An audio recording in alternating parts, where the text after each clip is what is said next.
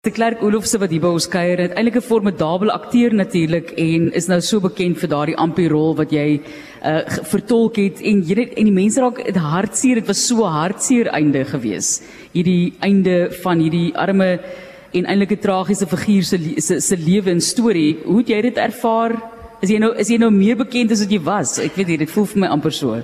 Um, ek weet of ek meer bekend is as wat ek was nie. Ek weet my pa was nog nooit so trots op my nie. My pa is die grootste ja. Hy eh, hy's 'n groot aanhanger vir RSG en hy luister altyd die vervolgverhale so ek het omtrent elke dag na die eindsending het hy vir my notas gestuur oor hoe ek vandag gevaar het.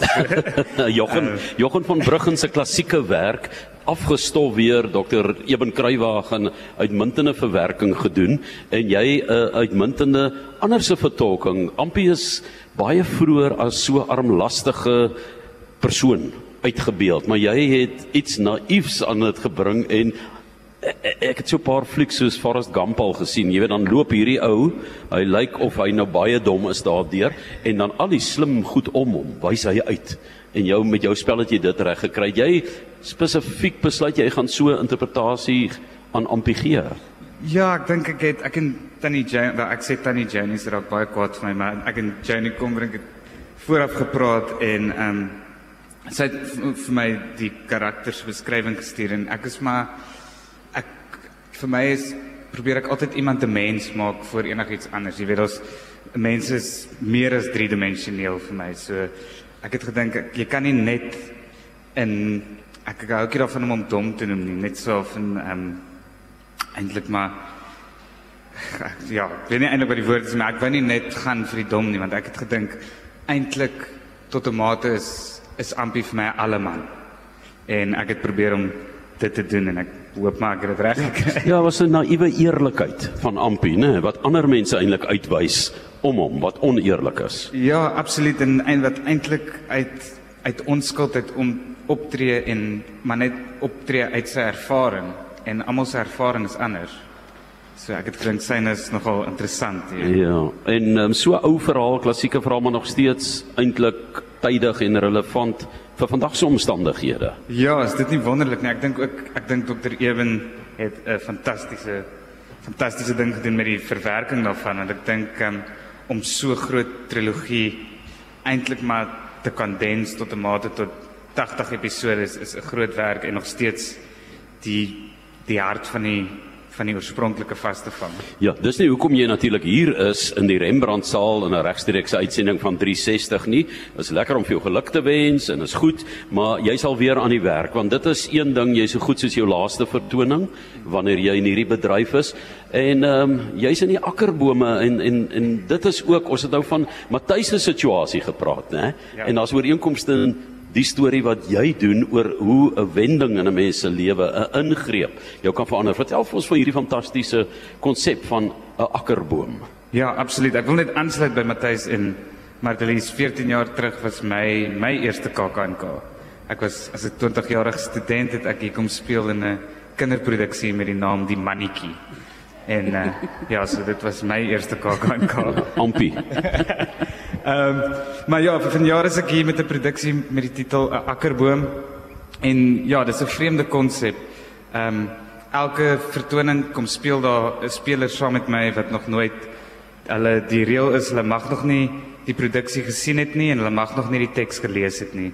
En dan kan hulle saam met my kom speel, maar ek vind eers op die verhoog uit wie hierdie persoon is. So my regisseur Nico Skeepers, hy reël met 'n paar akteurs om in die gehoor te kom sit en as ek op die verhoog stap is daar 'n koevert en ek maak die koevert oop en daar's 'n naam in en ek lees die naam en die persoon sluit by my aan en dan speel ons vir 'n uur saam in 'n produksie wat hulle nog nooit gesien het. So daardie persoon het geen woorde geleer nie, daar's nie 'n teks nie, hulle weet nie. Jy weet waartoe jy gaan, maar hulle weet nie. So hoe hoe, hoe doen jy dit? Hoe skakel dit in? So, ehm um, daar's verskeie maniere hoe ek met hulle werk. Baie keer sal ek vir hulle sê wat om volgende te sê.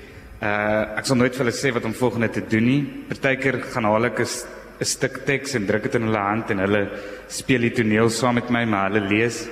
Ander kere sal ek agter hulle staan en vir hulle fluister wat hulle volgende moet sê.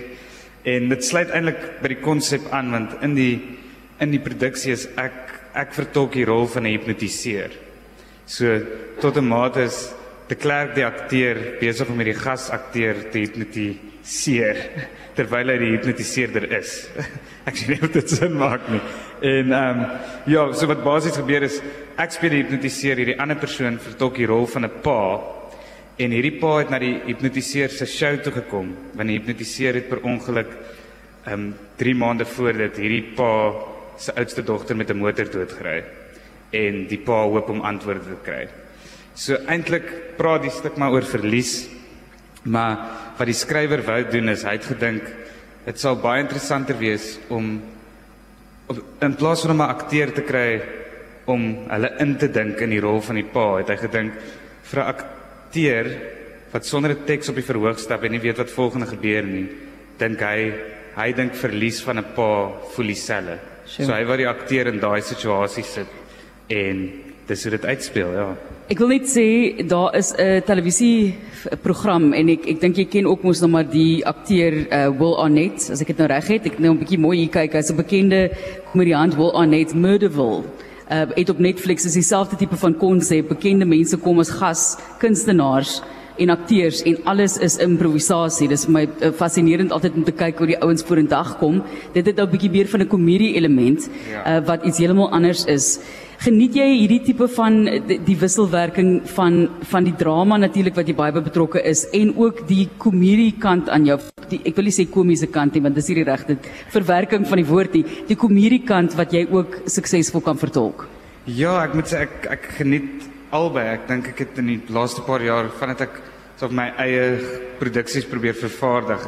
Ek gaan altyd self met waarvoor is ek nou lus. So ek het 'n paar jaar terug het ek 'n narrespel gedoen wat vir my ook nuut was, jy weet, clowning en iets wat ek glad nie geken het nie wat ha, baie sterk komies is. Eh tot iets soos hierdie en elkeen het sy eie uitdaging. So eintlik vir my is dit so weet Jaco Bouwer het jare terug vir my gesê jy moet altyd iets doen wat jou bang maak. Ja. So ek is al hierdie a- akkerboom maak my verskriklik bang.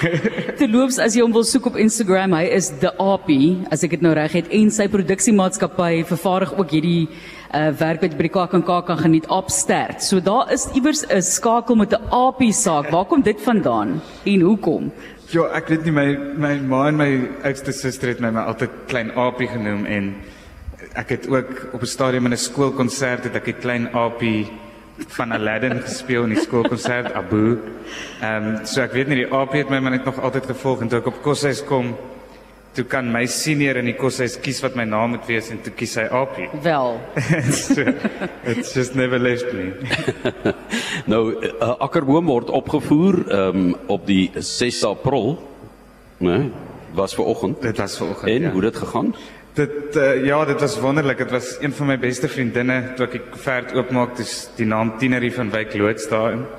Ehm um, en om dit met haar te doen was, yes, dit was nogal vir my 'n spesiale ervaring. Toe Ja. neem sy die produksie na 'n volgende vlak toe. Sy sy het my van die vloer af gespeel. Sy's 'n briljante aktrise saam met um, de Klerk Olofse.